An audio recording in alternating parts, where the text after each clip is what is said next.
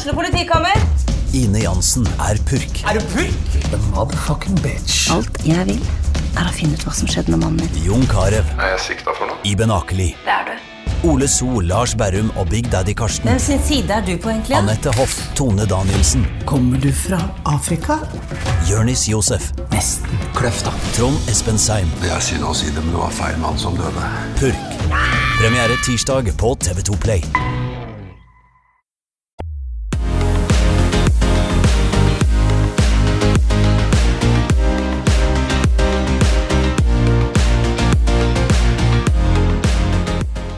Det går, eh, Elise Bratteng Rønning? Nei, det går veldig fint. Nytt år og masse nye muligheter. Eh, bra. Velkommen til Ranablads podkaststudio. Eh, jeg tenkte å dra oss gjennom en, en faktaboks først. Du er født i 1986. Det stemmer. Samboer med Marius. Ja, Søring. Hvordan, hvordan går det med integreringa? det, går, det går veldig bra. Vi er jo fortsatt uh, samboere, for han er så treg og fri. ok, Shots fired! Ja. Jeg må bare, jeg må bare levere. Nei, det går, eh, det går eh, kjempebra, må jeg si. Vi var spent, spent de første årene, men nå er han jo blitt nå er han sånn at han syns det er litt fint når det er dårlig vær i Oslo. Så jeg føler vi kommer ja, langt, er langt i Da er han nordlending. Veldig Ja. bra. Uh, og så har vi fått eh, ett uh, barn. Ja, det stemmer. Ja. Så det gir livet nye perspektiver. ja. Ja, Man får plutselig veldig mye dårligere tid. Har du, har du merka det? ja, det har vi merka. Og så er vi jo veldig glad i logistikk og er vant til det praktiske. dere har en fordel. Ja. Um, så det var vi forberedt på, helt klart. ja. Ja, Han sa jo det broren min da han skulle gifte seg, at livet det har blitt bare logistikk. ja, det var fint. Ok, eh, du har jo en, lang CV. Du har vært korpsmusikant, sprangrytter og hesteeier. Revyartist, kokk, vinkelner, daglig leder. Du er norgesmester, har tatt sjetteplass i yrkes-VM, tatt olympisk gull. Studert hotelledelse i Lausanne. Lausanne. var Du er verdens eldste og beste hotellhøyskole, der du var den beste engelskspråklige eleven. Uh, vært eh, lærling, kokk og sursjef på eh, Britannia. Kokk på to rom og kjøkken. Assisterende hotellsjef på Bekkjarvik gjestgiveri. Avdelingsleder i Mathallen i Oslo. Assisterende daglig leder ved Kulinarisk akademi. Jeg skulle ha pusta før jeg kom, som han sa komikeren en gang. Du har vært TV-kokk sammen med Marcus og Martinus. Det vil si, dem var jo ikke kokker, men dere var i samme TV-program. Du har vært med å arrangere gallerier, du har vunnet priser på gallerier. og Du har vært kåret til årets nykomling, dere har vunnet Årets kjøkken, og du har vært nominert til Årets nordlending, for å nevne noe. Her er mye, Elise. Ja, så, som du er. Nei, så er jeg en streber. Nei, um, ja, vi har jo vært uh, glad, eller i hvert fall er jeg veldig glad i utvikling, og det å lære nye ting konstant, helt klart. Ja. Uh, og så må jeg si at jeg har hele tida eh, vært veldig opptatt av at jeg var fra Nord-Norge og lyst tilbake. Ja. Ja.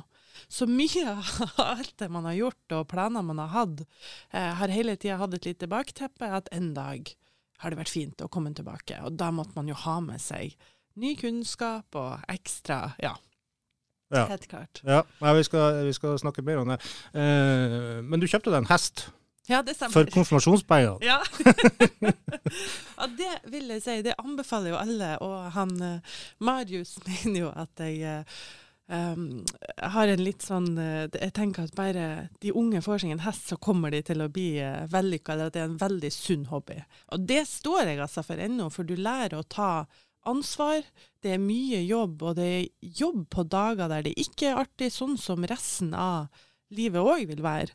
Eh, Så det syns jeg er en utrolig sunn og flott hobby. Og jeg hadde mange bra dager ute på Sletten fritidsgård her i Mo. Ja. Ja. Men noe eh, sprangrytter, altså konkurranse, det var ikke det du Det var, jakta mest etter? det var ikke livets lodd. Nei. Nei. jeg var ikke god nok, rett og slett. men, eh, men det var skikkelig, skikkelig gøy og en veldig, veldig fin tid. Men det var nok ikke der jeg hadde mitt store talent, nei. Nei. nei. Eh, korpskarrieren, da? Ja, der var det. det var bra jeg la opp tidlig. Både korps og sang er noe eh, alle skal være skåna for å høre fra min, fra min side, tror jeg. Ja, Du var intervjua i avisen eh, da du var tolv, da du var, gikk, i, gikk, i, korps. Og Da eh, fortalte du at søstera di spilte tverrfløyte, og da syntes du det så så utrolig lett og artig ut. Ja. Men det merka du at det ikke var? Ja, det er helt sant. Og begge jeg har flere søstre, og de var mye, mye bedre enn meg uh, til å spille. Så det der husker jeg godt. Så det var en fin ting å bare avslutte, tror jeg. uh, men var du tidlig bestemt på at uh, det skulle være matrelatert, ditt, din karriere og ditt, ditt, liv? Ja, vet du, jeg hadde um, Faktisk så hadde jeg lyst til å bli kokk eller advokat når jeg gikk på ungdomsskolen. Um, men så var det kokkvalget falt, og jeg har ikke angra en eneste, en eneste dag. Uh, og der tror jeg òg, sånn som videregående, når jeg gikk der, utrolig viktig del. Man er så ung. Så både lærerne og de man møter der, uh, kjempeviktig del av resten av livet, rett og slett.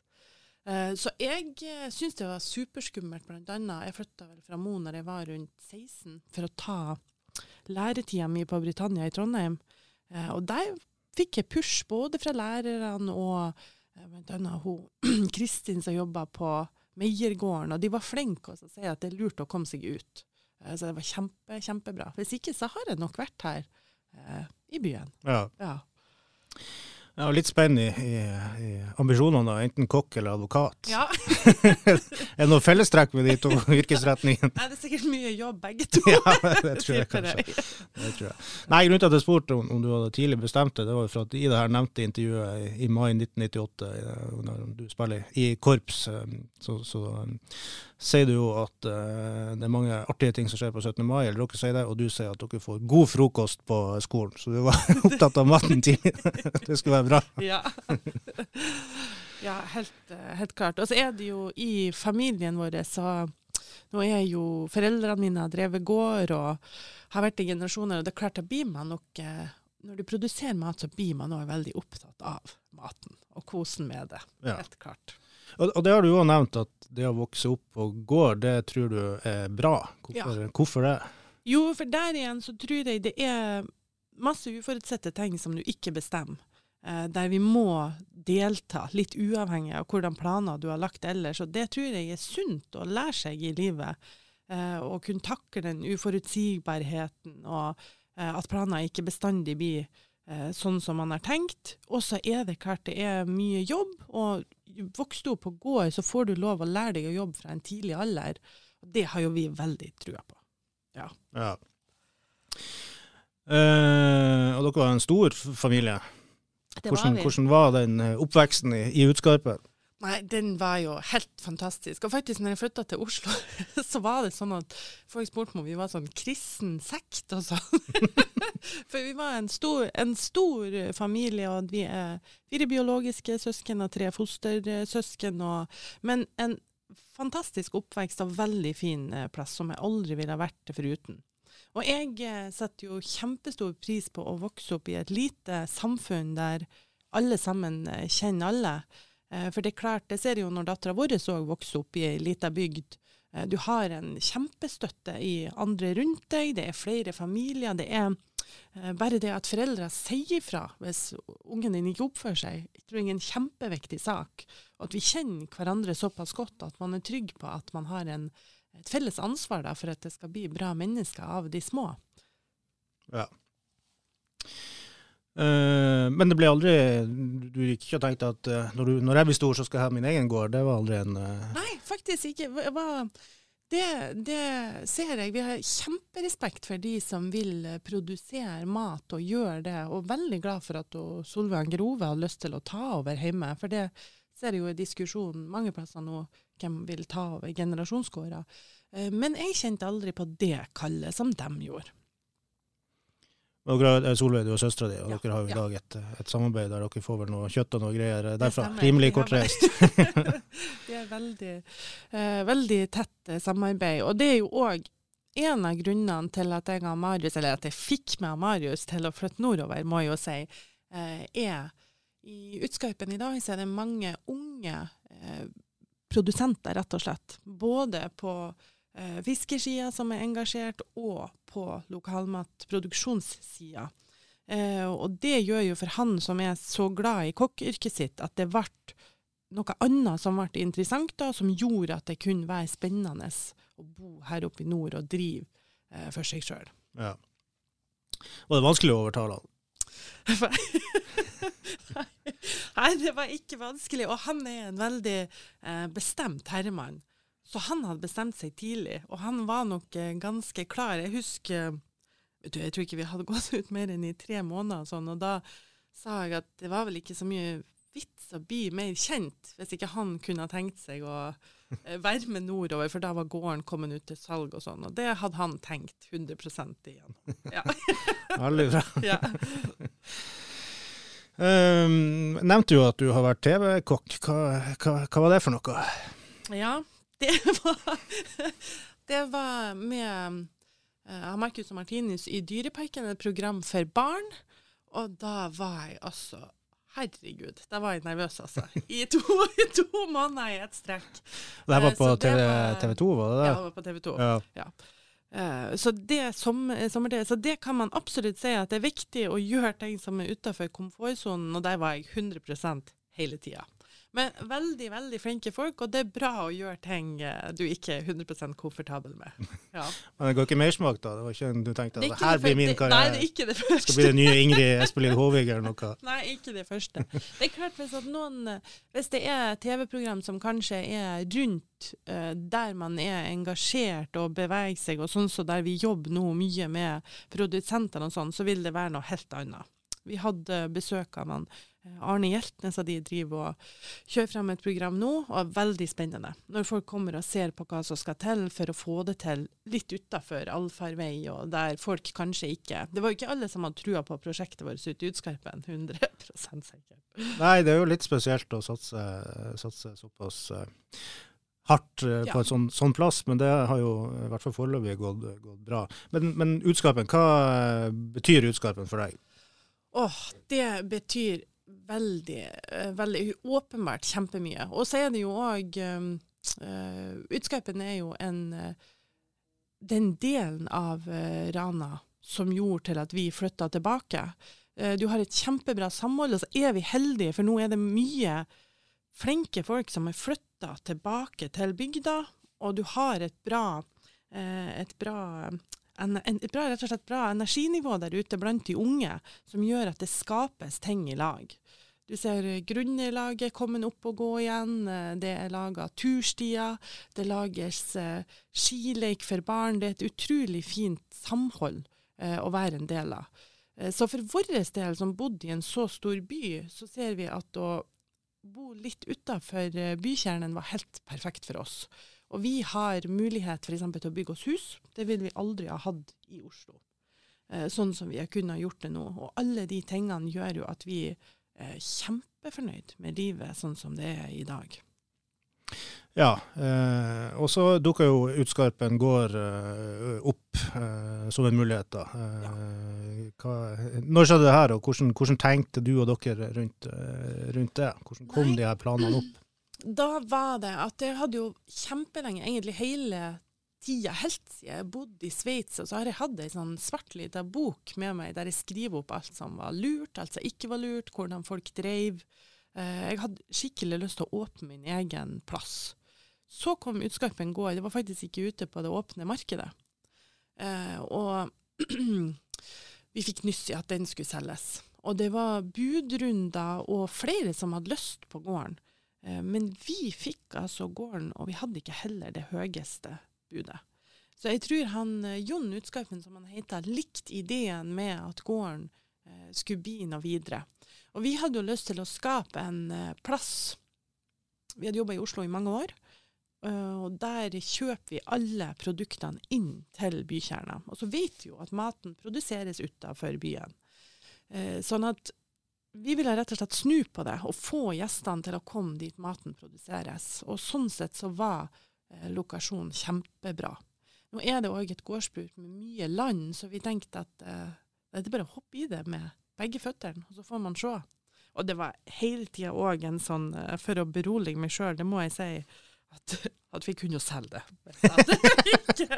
Hvis det det ikke gikk eh, veien, eller eh, For vi hadde jo ikke Når vi kjøpte gården, eh, så kjøpte jeg den først. Eh, og så møtte jeg Johan Marius, og så eh, kjøpte vi den i lag etter det. Men da hadde vi ikke finansiering på plass.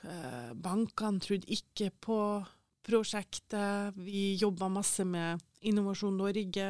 Det tok også tid for å komme gjennom der, så vi hadde veldig lite av det sikkerheten på plass. Og vi hadde i hvert fall ingen ansatte. Men eh, det har vært en eh, kjempespennende prosess. Og fra vi kjøpte til eh, vi var oppe og sto, så tok det rundt to og et halvt år. Ja, dere, I 2018 åpna dere, og ikke så, ja. Så.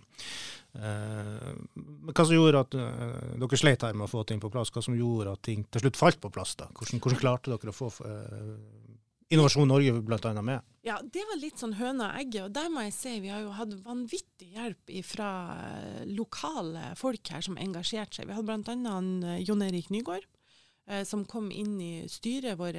og eh, da kjente vi ikke dem så godt og personlig som vi gjør eh, nå. Men de hadde kjempetrua på prosjektet. Vi hadde også han Kenneth Vonstad og Torgeir Micaelsen, som har hjulpet oss masse. Og for oss, det er bl.a. Jon Erik, han var med oss oppover til Bodø.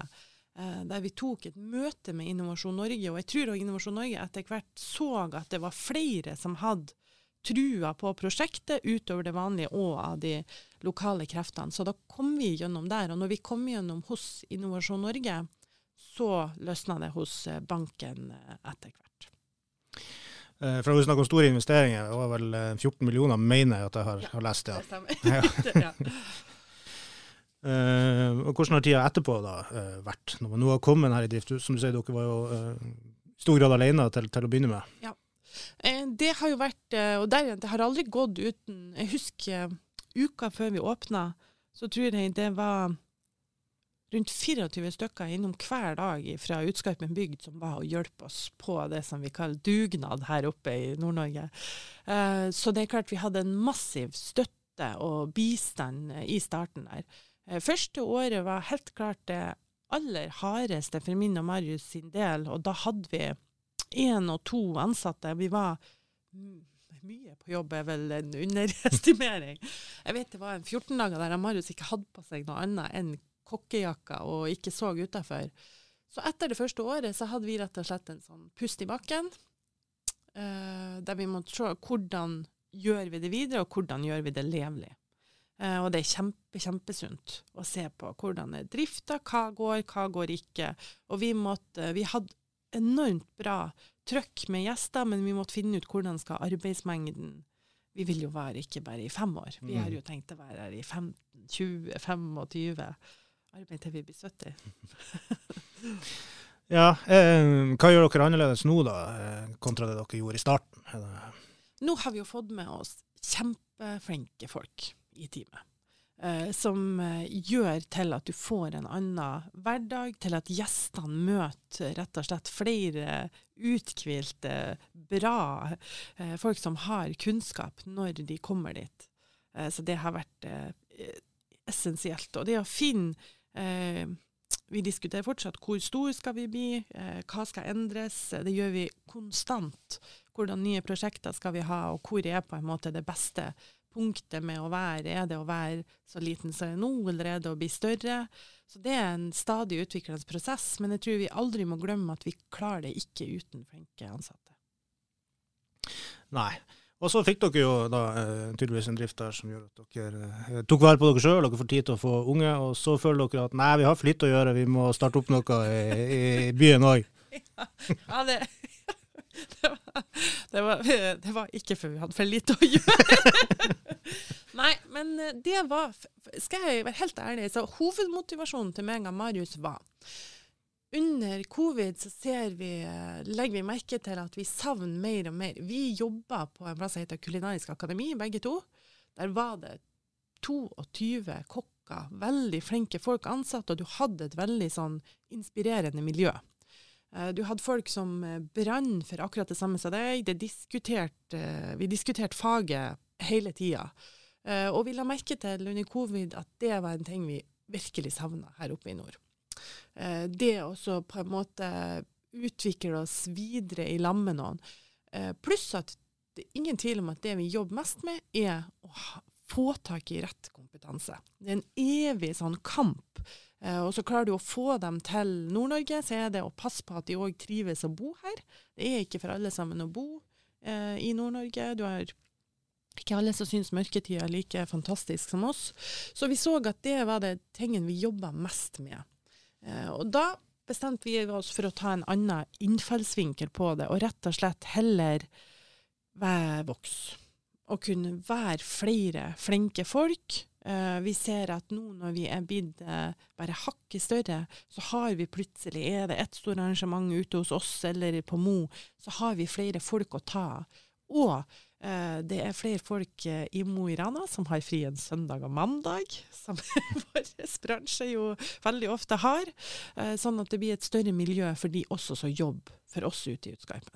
Så det var hovedmotivasjonen. Så hadde jo vi fått med inn i styret en som heter Morten Gullvik, som vi kjente veldig godt fra før. Som da var kommet inn i styret til Elise fra Marius? Ja. Det stemmer.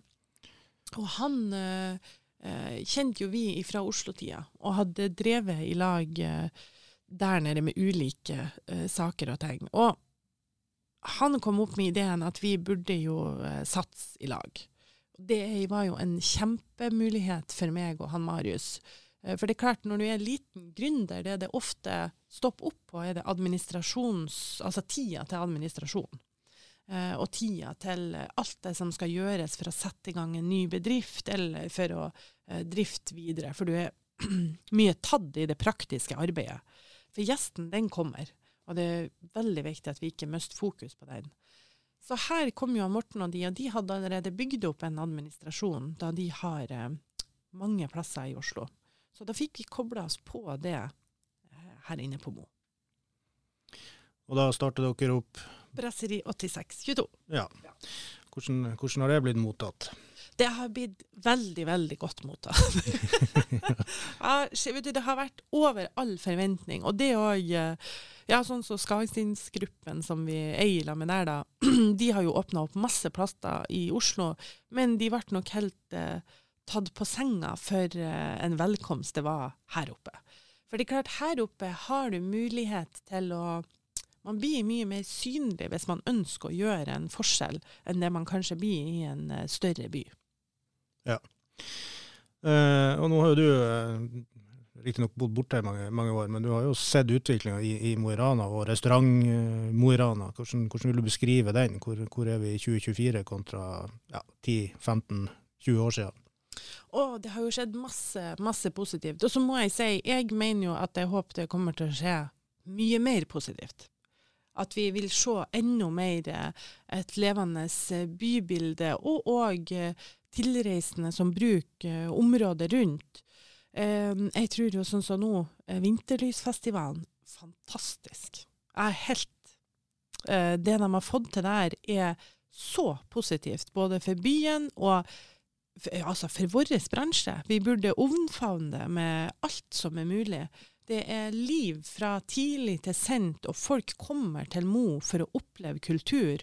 Eh, er, jeg, jeg, håper alle forstår hvor unikt og det er virkelig, virkelig både for små barn og opp til eh, den eldre garde.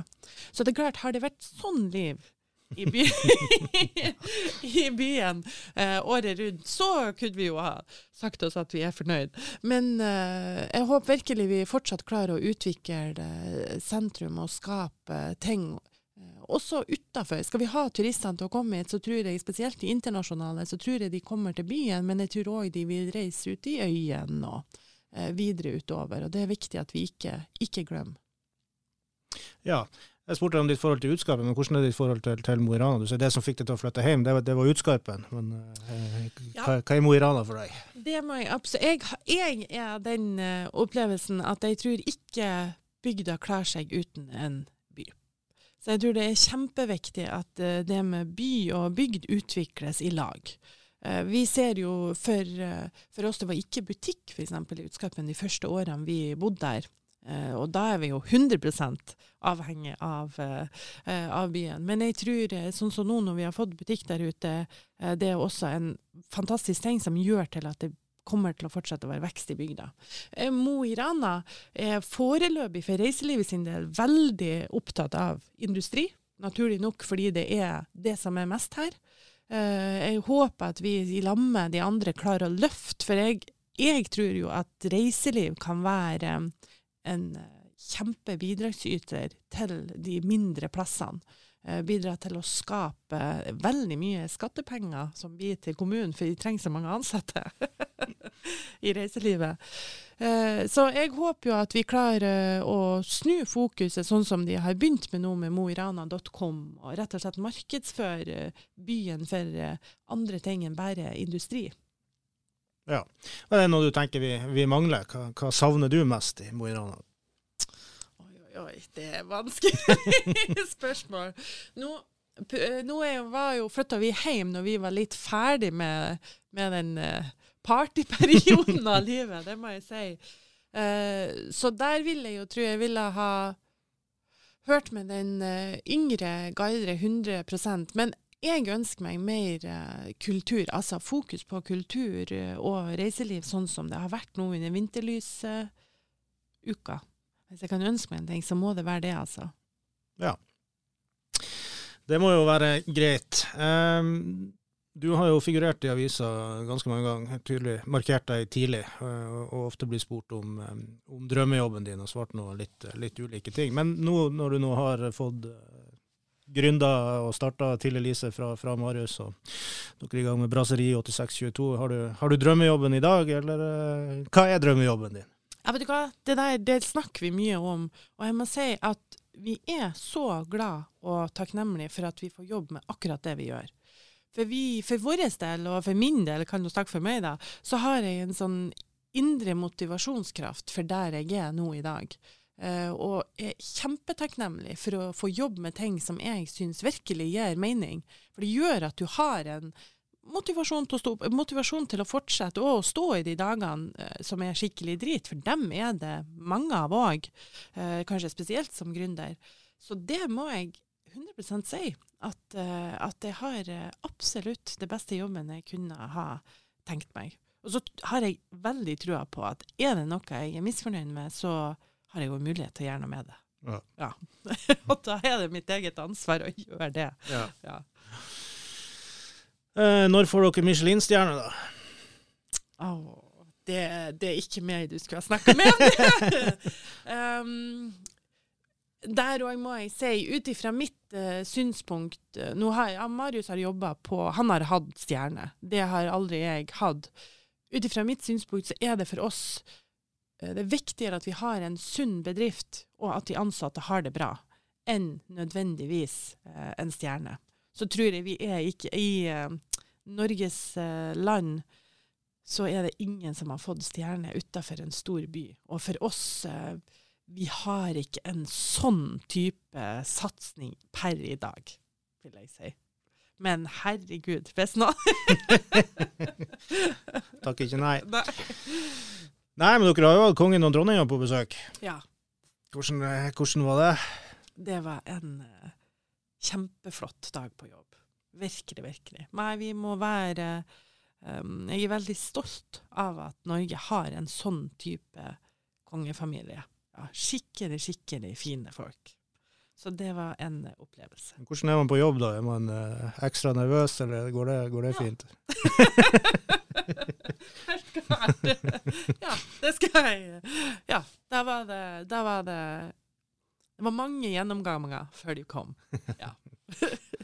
var det noe som gikk galt? Nei. Det satt? Ja, det satt. Det satt. Det var under veldig kontrollerte former.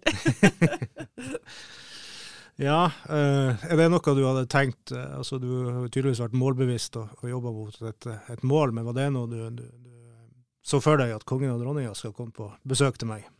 Nei. Og vet du, dem, vi visste jo det her lenge. Vi visste lenge. Uh, og jeg må si, den dagen de ringte, uh, så ringte de, og så sa de sånn Ja, presenterte han seg, og så sa han at han jobba i lag med ei som heter Eline, og da skjønte jeg sikkert hvor han ringte ifra. Og Kokke-Norge er veldig lite, så vi vet jo at hun Eline jobber på kjøkkenet. og ja. Så det sa ja, da forsto jeg eh, hvor han ringte ifra. Eh, og så spurte han henne og forklarte og sånn og sånn. Og jeg eh, ble helt rød i hele ansiktet. Så gikk jeg inn til Marius, og så sier Marius hva er det nå? Hva, hva er problemet, eller hva er, har skjedd, eller eh, Så det var en veldig, veldig, veldig flott telefonsamtale. ja, er det sånn at man føler at uh, nå, nå, har vi runda livet? Hva, hva, skal vi finne på nå, liksom? Nei, det tror jeg ikke. Det er sjelden vi Det er nok ikke en, en følelse vi, vi, går rundt med ofte der ute, nei. Uh, men du må inn på at dere starter liksom, til Elise fra Marius, uh, ganske langt unna nærmeste by, som heller ikke er noen sånn stor by. Det er jo ganske sånn stor, sprek, sprek satsing. Men når du får kongen og dronninga, det, er ikke noe problem å få folk til å komme til Utskarpen for å spise god mat. Nei, men jeg mener jo at det skal jeg ikke si, for vi må hele tida være Det er jobben vår å være attraktive i markedet. Så det må vi kontinuerlig jobbe med. At vi ser at folk har lyst til å komme, og hvordan er produktet, og leverer vi bra nok. Så det er jo aldri man må sette seg ned og tenke at uh, nå kommer det. Nå, nå, trenger vi ikke å jobbe noe mer. Aldri. Da tror jeg vi kan legge ned. Ja. Og når du ser videre, da, hva, hva er ambisjonene? Altså, nå har dere etablert dere i Utskapen, dere er med på å etablere i, i Mo i Rana. Hvor, hvor stort skal det her bli? Ja, det, det, det sitter vi og diskuterer nå, i disse dager. Så det er ikke 100 bestemt ennå. Men vi har jo kjempelyst til å bidra til den fortsatt positive eh, utviklinga eh, som skjer i Mo i Rana. Men vi er jo, alle er jo avhengige av at enda flere har lyst til å bo her i lag med oss. Det er det ingen tvil om. Uh, og det håper vi jo at vi klarer å uh, bidra til. Jeg ser at uh, på Brasseriet så har vi et team på ti nå og kjempemange av de er tilflyttere. Og nå er det på første Jeg tror vi har ett og to år nå på å passe på at de trives i, på plassen. Og klart er de over to år, så er det absolutt et positivt tegn. Eh, og så håper jo man klarer å starte opp flere plasser som eh, kan gi enda mer. Ja. Bidrag til den biten, da. Ja. Det er, ikke, det er ikke ferdig med det her, dere har mer på gang? Nei, vi kan ikke si oss ferdig. Ok, dere, eller Marius lager jo mye god, god mat på, på, jobb, men du kan jo òg lage, lage, mat. Dere har begge vært på kokkelandslaget, blant, blant uh, annet. Uh, hvem lager maten hjemme? Det er Marius. han slipper ikke unna der heller? Han slipper ikke unna. nei, nei, og det er veldig frivillig. Nei, han er desidert den aller beste kokken av oss, uten tvil. Uh, og han, det er hans kall å lage mat, så han eh, koser seg med det, altså. Det må jeg si. For mange ganger når vi er på ferie, og vi reiser jo mye på ferie sammen med resten av familien, men han eh, trives veldig med det. Ja. Så det er aldri sånn at dere blir, eh, blir lei av å lage god mat. Nå, nå blir det bare brødskive med egg, liksom. Vi av og til så tuller vi med at det har vært godt å ringt Fodora. Det går jo ikke an i, Utskarpen. Enda. Det kan gå med. Det kommer nok Det vil jeg tro jeg tenker man må innse, at det blir ikke på bygda. Eh, men hva dere lager når dere sjøl virkelig skal kose dere? Eller hva Marius lager, da? Det er han som har oppgave. Nei, vi er kjempeglade i husmannskost. Og det er alt fra kjøttkake til stekt fisk. I går så hadde vi green curry med ris og stekt uh, torsk. Ja. Ikke verst. Nei. Uh, skal gå inn for, for, eh, landing nå, men vi har jo vært inne på det. Du har jo opplevd eh, ekstremt mye. Når du nå da ser tilbake, hva, hva liksom var det største? Hva var det, hva var det villeste? Det tror jeg må være når vi fikk familie. Når vi fikk Emma. Fordi vi var ikke forberedt. Vi er veldig sånn praktiske folk. Og jeg jobba helt til lørdag, og hun tima det og kom på en søndag. Og litt sånn, eh, sånn oppbygning hadde vi til det. At uh, det her skal vi få til, og logistikken skal gå sånn og sånn. og uh, Marius må jobbe kveld onsdag til lørdag, og jeg tar der. Ja. Vi hadde ikke uh, tenkt over hvor fint det kom til å være å få en til person med i livet. Ja, så det må jeg altså si er noe med det største vi har opplevd. Det syns jeg jo er en veldig fin uh, avslutning, så jeg tror at uh, jeg takker deg der, Elise. Takk for at du kom i vårt podkaststudio. Tusen takk.